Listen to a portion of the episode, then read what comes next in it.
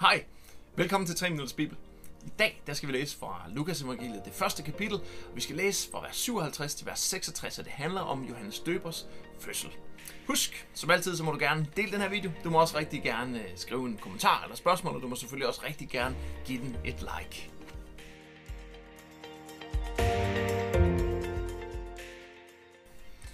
Dagen kom, hvor Elisabeth skulle føde, og hun fik en dreng. Familie og naboer fik hurtigt den gode nyhed at vide, og alle glædede sig over Guds godhed mod hende. Ugedagen efter kom slægt og venner for at deltage i omskærelsesceremonien. Alle regnede med, at drengen skulle hedde Zacharias som sin far, men Elisabeth sagde, nej, han skal hedde Johannes. Hvorfor, udbrød de, der er ikke en i hele familien, der hedder sådan. Så spurgte de med tegn og fakta barnets far, hvad han ønskede, drengen skulle hedde. Han bad om en tavle, og til alle store overraskelse skrev han, drengens navn er Johannes. I samme øjeblik kunne Zakarias tale igen, og han begyndte at lovprise Gud. Naboerne blev slået af forundring, og beretningen herom gik fra mund til mund over hele Judæas højland. Alle, der hørte om det, undrede sig og sagde, hvad må Gud have for med den dreng? De mirakler, der var sket, gjorde det klart, at Gud havde særlige planer med ham.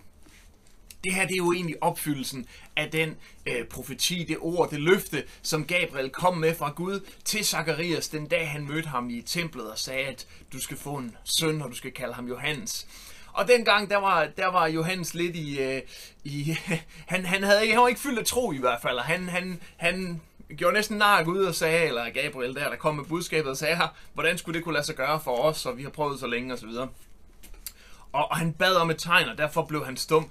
Og her, der ser vi faktisk en, en Zacharias, der, der, der, der reagerer, eller agerer fuldstændig anderledes. Den her gang, der agerer han i fuld tro. Han er ikke sådan øh, væven omkring, ja, men ja, vi ved ikke helt, hvad han skal hedde osv. Nej, da de andre, de foreslår, at han skal hedde Zacharias, efter, altså Johannes døber, skulle hedde Zacharias efter sin far, som hed Zacharias, så er han helt klar i spyttet faren der. Han siger, nej, han skal hedde Johannes, fordi det er det, han har fået at vide, han skal kalde ham.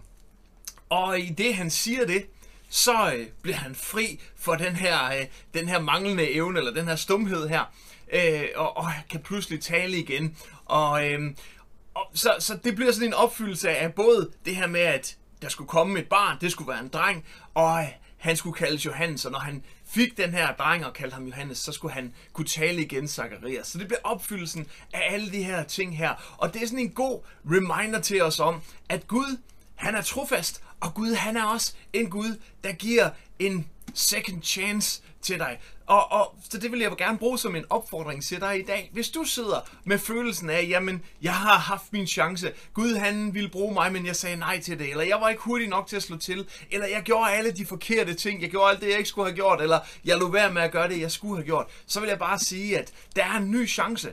Ligesom Zacharias han fik en ny chance her, så får du en ny chance i dag til at tage det rigtige skridt til at gå hen imod Gud og gøre det, han har kaldet dig til at gøre. Gør det, du måske skulle have gjort tidligere. Måske er, kommer det til at se anderledes ud, end det ville. Måske er du nødt til at gøre det på en anden måde, end du først troede.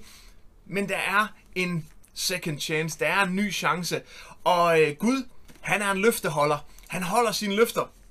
Det lover han os, og det ser vi gang på gang igennem Bibelen, og vi ser det jo også her. Når han giver et løfte, så holder han det.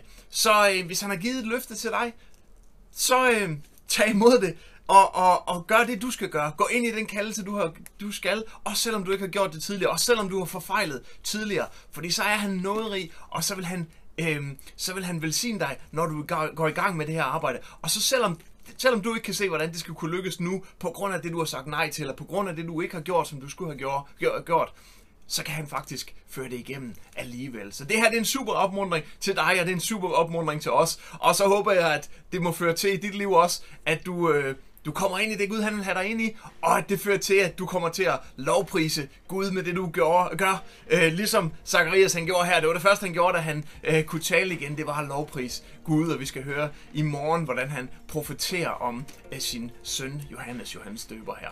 Tak fordi du så med i dag.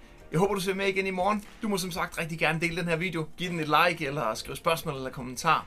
Gud vil sige dig. Hej.